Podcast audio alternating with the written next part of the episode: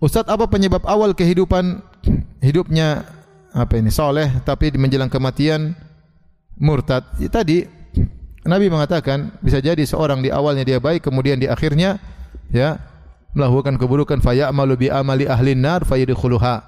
Dia melakukan perbuatan penduduk neraka kemudian dia meninggal akhirnya masuk neraka.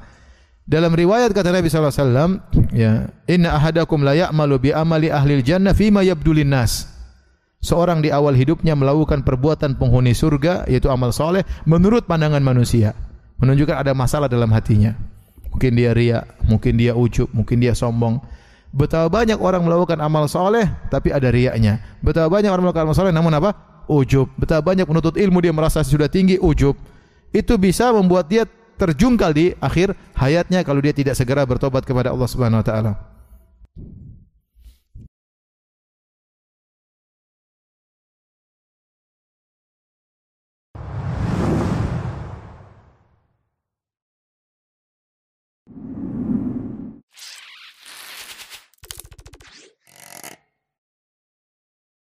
Imam Ibnu Qayyim Al-Jauziyah rahimahullah pernah bercerita.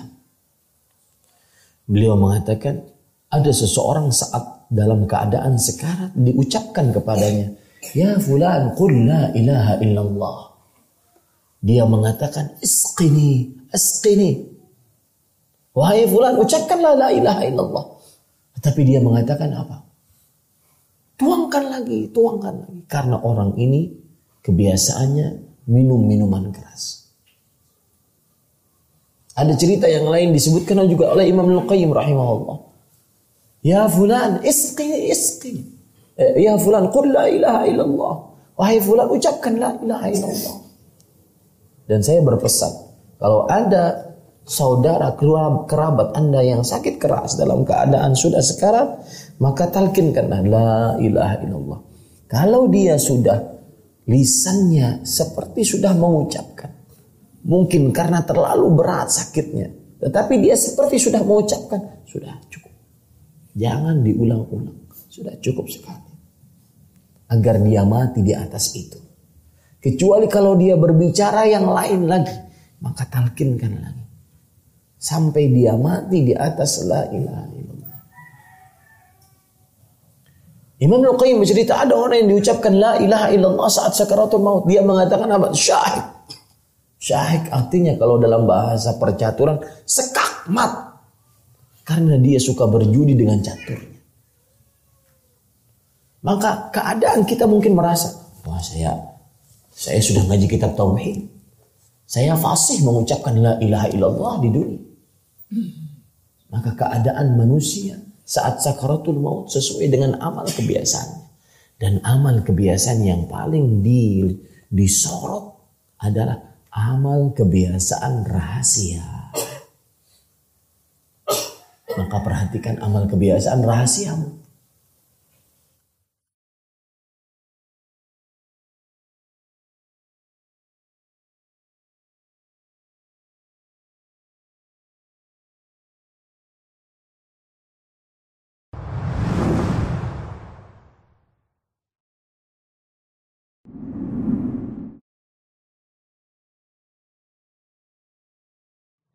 Jangan sampai nanti ada tipu daya syaitan yang merasuk ke dalam diri seseorang yang ini kemudian menjadi sebab kebinasaan bagi hamba tersebut.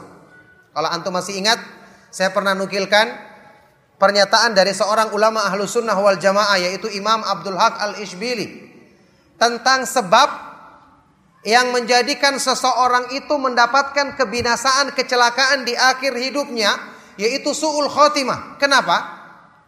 Sebabnya karena ada penyimpangan dalam batinnya yang tersembunyi. Yang tidak dibereskannya, tidak diluruskannya selama hidupnya, tidak dikoreksinya untuk dijadikan selaras dengan Islam. Ini perkara yang tersembunyi. Kita mohon kepada Allah Subhanahu wa taala untuk diperbaiki. Imam Abdullah Al-Ishbili pernah mengatakan apa? Wa'lam anna su'al khatimah. A'adhan Allahu minha la yakunu liman istaqama zahiruhu wa saluha batinuhu. Ketahuilah bahwasanya meninggal di atas keburukan menutup hidup di atas keburukan, yakni dicabut hidayah di saat-saat terakhir hidupnya. Saat-saat yang sangat menentukan. Kata beliau ini tidak akan mungkin menimpa orang yang istaqama zahiruhu, lurus amalan anggota badannya baik. Dia selalu mengikuti sunnah Rasulullah SAW, mengikuti pemahaman Islam yang benar, wasaluha batinuhu disertai dengan kesolehan dalam batinnya. Inilah orang yang masuk Islam secara keseluruhan, orang yang mengislamkan dirinya lahir dan batin. Oleh karena itulah, ikhwani wa akhwati fid din rahimakumullah, inilah nasihat untuk bagaimana caranya kita belajar Islam yang benar. Anda belajar Islam, belajar dalam masalah-masalah ibadah, kemudian utamakan belajar masalah-masalah akidah, masalah iman, masalah-masalah tauhid karena ini yang berhubungan dengan perbaikan batin kita. Kemudian hawa nafsu kita akan merintangi. Tundukkan hawa nafsu Anda di jalan Allah. Berjuang. Usahakan untuk meyakinkan pada diri kita bahwa mengikuti agama Allah Subhanahu wa taala inilah yang akan menyelamatkan kita. Makanya Rasulullah Shallallahu alaihi wasallam dalam hadis yang sahih riwayat Imam Ahmad dan yang lainnya pernah bersabda, Al-mujahidu man jahada nafsahu fi taatillah. Orang yang berjihad dengan sesungguhnya adalah orang yang berjuang untuk menundukkan hawa nafsunya dalam ketaatan kepada Allah Subhanahu wa taala. Dengan cara seperti ini, kita akan memperbaiki Islam kita secara lahir. Kemudian waktu kita membaca Al-Quran, berzikir, kita merenungkan kandungannya untuk perbaikan batin kita. Hawa nafsu selalu kita tundukkan di jalan Allah Subhanahu wa taala maka kita akan menyempurnakan pemahaman dan pengamalan Islam dalam diri kita. Yang itu berarti pertanda kita mengusahakan sempurnanya petunjuk Allah Subhanahu wa taala dan penjagaannya dalam dalam diri kita.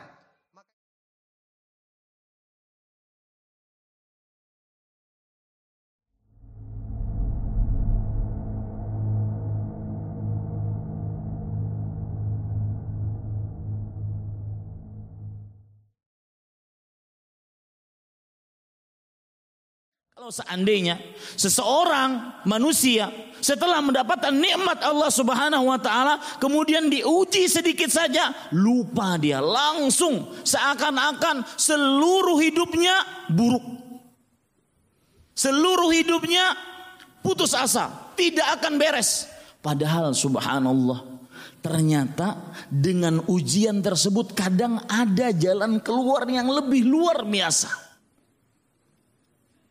Ternyata dengan ujian tersebut Allah Subhanahu wa taala menginginkan seseorang mendapatkan hidayah dan petunjuk dari Allah Subhanahu wa taala. Saya beri contoh. Ada orang, dua orang bekerja di Arab Saudi dari negara sebuah negara kafir. Kemudian dan dua orang ini bukan muslim. Kafir. Kemudian dia datang ke Arab Saudi bekerja. Sang suami bekerja, sang istri di rumah bersama anak-anaknya dalam keadaan mereka kafir. Kemudian sang suami melihat sang istri terlalu banyak anak, dia kasihan. Dia juga mendatangkan tenaga kerja dari negara asalnya yang juga kafir. Sang istri cemburu kepada pembantu rumah tangga tersebut. Pekerja rumah tangga tersebut. Saking cemburunya Cemburu sudah memuncak, dibunuhlah sang pembantu tersebut. Dicincang-cincang habis-habisan. Sang suami pulang dari kerja melihat istrinya melakukan hal tersebut, dia bingung. Mau melaporkan ke polisi itu sua itu istrinya dan bagaimana anak-anaknya. Akhirnya sang suami kalap, dia ikut membantu istrinya untuk mencincang-cincang tubuh perempuan tersebut. Solusinya bagaimana? Mereka kubur di dalam kamar mandi. Kamar mandi mereka gali, mereka kubur di sana. Selesai dua tahun berlalu tidak ada yang tidak ada yang mengetahuinya. Kemudian keluarga tersebut pindah ke rumah lain di apartemen lain. Setelah itu Sang punya rumah, karena semuanya rumahnya sewaan kontrakan di sana. Sang punya rumah ingin memperbaiki rumah yang sudah disewa, karena dua tahun sudah tidak diperbaiki. Ingin diperbaiki, salah satu yang diperbaiki adalah kamar mandi. Dibuka ternyata terdapat bekas tulang-tulang manusia. Gempar waktu itu. Gempar waktu itu, kemudian setelah itu diperhatikan siapa yang menyewa sebelum ini Dicarilah dua orang tersebut, keluarga tersebut ditangkap kemudian dijebloskan ke dalam penjara. Sang suami masuk ke dalam penjara laki-laki, sang istri masuk ke dalam penjara perempuan. Anak-anaknya dalam tempat hadana, tempat penampungan, tempat perlindungan anak-anak diberi pendidikan, kemudian penghafalan Al-Quran dan semisalnya. Dan mereka masih dalam keadaan kafir. Di dalam penjara sang suami masuk Islam dan hafal sekian juz dari Al-Quran. Di dalam penjara sang istri masuk Islam dan hafal sekian juz dalam Al-Quran dari Al-Quran. Kemudian anak-anaknya tadi ternyata adalah orang-orang yang akhirnya penghafal-penghafal Al-Quran. Subhanallah, lihat. Allah subhanahu wa ta'ala ketika hendak berkehendak walau dengan cara apa pun akan memberikan sesuatu yang semuanya ada hikmahnya.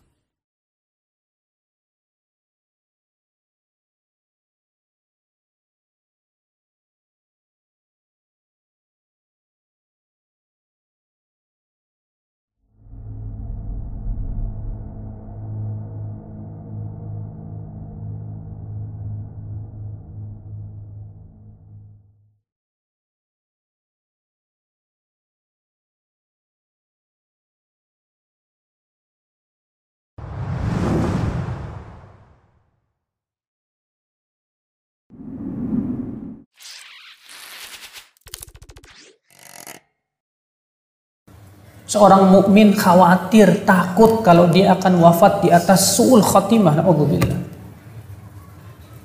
Sekarang kita ngaji, alhamdulillah. Sekarang kita alhamdulillah sedang diberikan oleh Allah kekuatan untuk mendatangi majlis taklim, beramal saleh. Tapi yakinkah kita bahwa kita akan wafat dalam keadaan di atas husnul khatimah? Kita tidak tahu. Rasulullah SAW sabda wa inna rajul la ya'malu bi amali ahlil jannah. Ada seseorang kata Rasulullah dia beramal dengan amalan penduduk surga sitina sana 60 tahun. 60 tahun ia beramal soleh beramal penduduk surga. Wahwa min ahlin nar. Tapi ternyata kata Rasulullah ia termasuk penduduk api neraka. La ilaha illallah. Mengapa sampai bisa seperti itu Nah, di sinilah ya akhul Islam. Al-Hafidh Ibn Rajab menjelaskan hal itu di dalam kitab beliau Jami'ul Jami'ul Ulum wal Hikam ketika mensyarah hadis yang keempat. Kata beliau, dalam satu riwayat Muslim dan Bukhari ada sebuah penjelasan dari Rasulullah SAW yang memberitahukan kepada kita mengapa seseorang bisa wafat su'ul khatimah Padahal selama hidupnya ia beramal soleh. 60 tahun beramal soleh Pak, tapi wafatnya suul khatimah ada apa? Dalam satu riwayat Bukhari dan Muslim dengan lafaz wa inna rajul la ya'malu bi amali ahli jannah fima yabdu linnas wa huwa min ahli.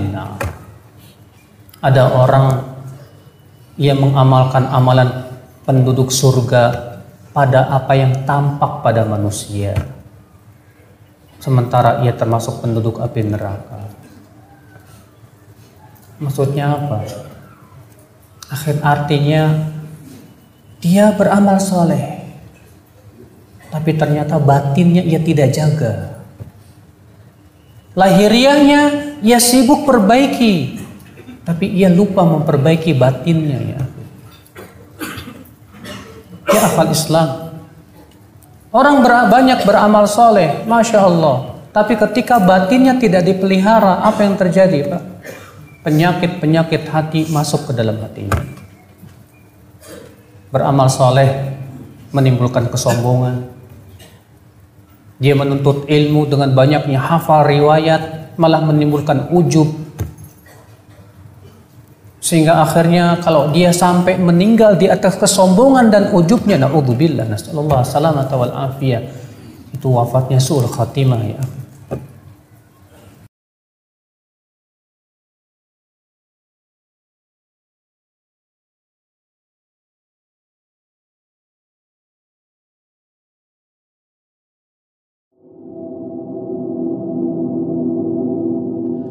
Kemarin ada yang bertanya kepada saya, Ustadz, Ustadz benar menyatakan bahwasanya apakah benar pernyataan Ustadz bahwasanya seseorang akan mati sesuai dengan kebiasaannya? Maka saya katakan iya.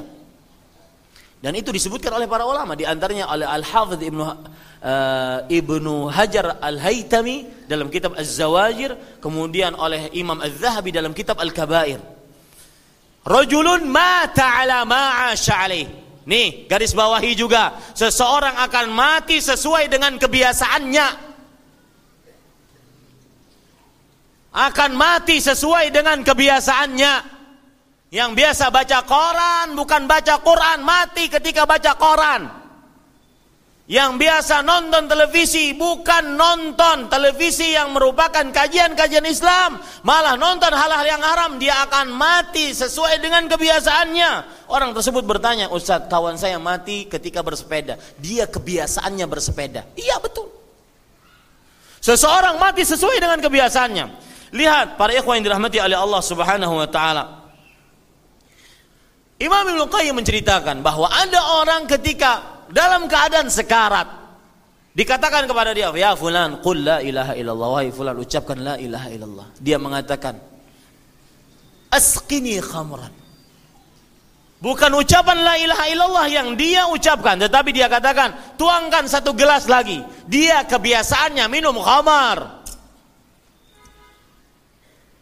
Yang lain, Ibnu Imam Al-Qayyim juga menceritakan bahwa orang pernah ketika mau dikatakan, wahai fulan ucapkan la ilaha illallah, dia mengatakan syahik. Syahik itu artinya sekakmat. Main catur, judi, Orang mati sesuai dengan kebiasaannya. Yang biasa nonton televisi, ya, kalau seandainya di tengah pengajian seakan-akan orang paling saleh, alim, makai peci, makai baju koko, makai jenggot, dipakai jenggotnya, ya. Tapi kalau sudah masuk rumah, lepas peci, lepas jenggot, pegang remote, semuanya ditonton. Dia akan mati tatkala megang itu. Ada yang ngeledek saya, mati TV-nya Ustaz. Enggak mati orangnya. Rajulun mata ala ma'asha. Garis bawah itu baik-baik. Seseorang akan mati sesuai dengan kebiasaannya. Maka Pak cari, Bu, cari kebiasaan baik kita yang kita berharap atas atas Allah kita berharap kepada Allah untuk mati di atasnya waktu Gaza diserang dibombardir oleh kaum Yahudi Nasrani kaum Yahudi lebih tepatnya. Pemerintah Arab Saudi mengumumkan boleh mengumpulkan sedekah untuk membantu kaum muslimin. Maka dibukalah di beberapa eh, kalau bahasa kita tuh di kelurahan-kelurahan dibuka-buka. Kantong-kantong. Karena kan mengumpulkan sumbangan itu sangat dilarang di negara Arab Saudi tanpa izin pemerintah. Akhirnya ada orang datang membawa segepok uang real. Tapi uangnya penuh dengan darah.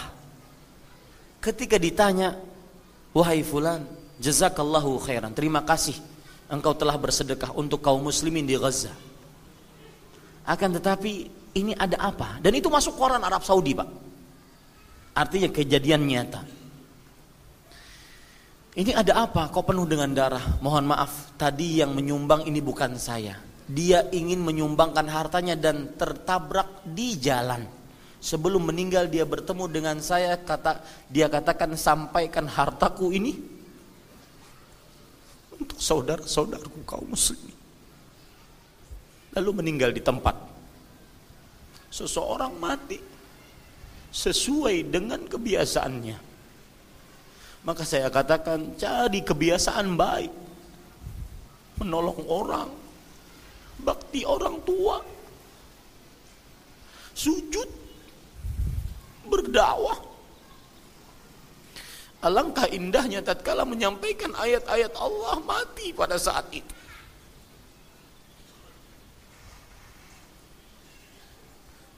tatkala membaca Al-Quran persis yang dilakukan oleh Uthman bin Affan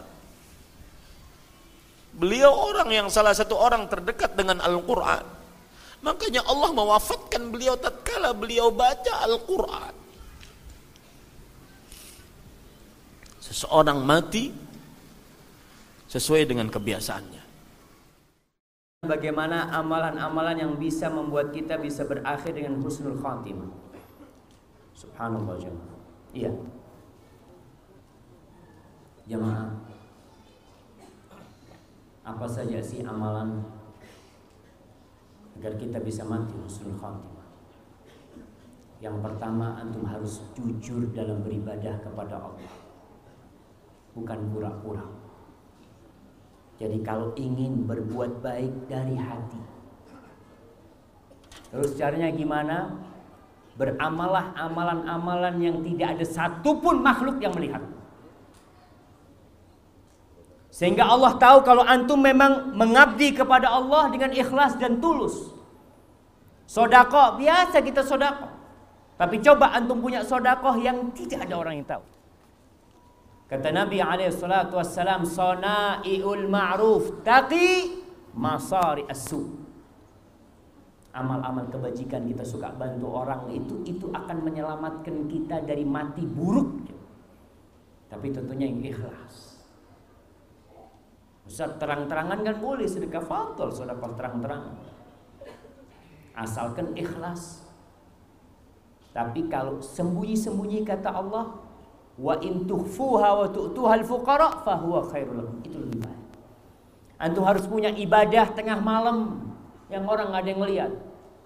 Kita sholat berjamaah di masjid semua ngelihat. Kita azan semua ngelihat. Antum pernah dengar kisah seorang muadzin yang akhirnya mati murtad. Muadzin dia. Biasa naik turun dulu itu naik menara. Gara-gara melihat wanita tergoda, ternyata dia seorang Nasrania. Akhirnya dia masuk ke agama Nasrani dengan wanita tersebut. Kok bisa nih tukang azan? Senantiasa memanggil orang untuk ke rumah Allah. Mati su'ul khatimah? Mungkin saja jamaah. Karena apa? Karena amalan itu banyak dilihat orang. Kita ikhlas nggak beramal? Maka antum perlu punya amalan yang benar-benar lillahi ta'ala. Makanya kata Rasul SAW ketika berpesan kepada para sahabatnya ketika beliau sampai ke Madinah beliau mengatakan kepada para sahabatnya ayuhan nas afshus salam wa at'imut ta'am wasilul arham wa sallu bil lail wan niyasu niyam tadkhulul jannah bisalam wahai umat manusia terbarkan salam. Ini amalan dilihat orang. Wa at'imut ta'am kasih makan kepada orang-orang. Sambung silaturahim. Ini amalan semua bisa lakukan terang-terangan. Lalu Nabi berpesan kepada mereka, "Wasallu billail wan niyam." Salatlah di malam hari ketika manusia tidur. Untuk membuktikan kalau kita beramal untuk Allah Jalla Jalla. Bukan mengharapkan manusia. Kalau baik di depan orang bisa, siapa yang nggak bisa? Tapi baik di hadapan Allah tatkala kita sendirian itu yang mudah-mudahan menyelamatkan kita dari suul khatimah. Donasi dakwah Yufid. Yuk berikan amal jariah terbaik Anda untuk dakwah dan pendidikan Islam.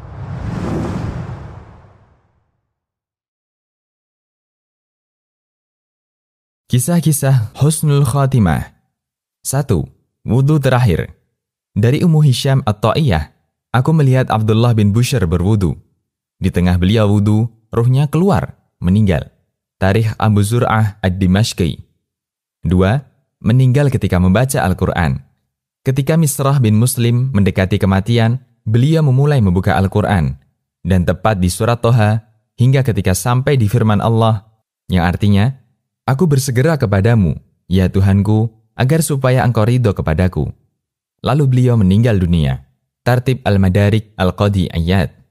3. Dari Abdul Husain bin Fadl Al-Qattan, beliau bercerita, Saya menemui Abu Bakar An-Naqasi ketika itu bertepatan hari Selasa, tanggal 3 Syawal tahun 351 Hijriah.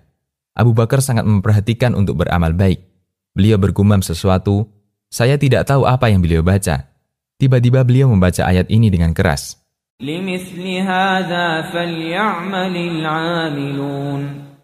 Yang artinya, yang kemenangan seperti inilah seharusnya dijadikan tujuan orang-orang yang beramal. Quran Surat As-Sofat ayat 61. Beliau baca sebanyak tiga kali, lalu beliau meninggal. Tarikh Baghdad Al-Khatib Al-Baghdadi. 4. Dari Abu Bakar bin Ziyad. Saya ikut menyaksikan proses kematian Ibrahim bin Hani. Ketika itu beliau puasa, lalu berkata kepada anaknya, Aku haus sekali. Datanglah putranya dengan membawa air. Lalu Ibrahim bertanya, Apakah matahari sudah tenggelam? Belum, jawab anaknya. Beliau pun menolak untuk minum air itu. Lalu beliau membaca,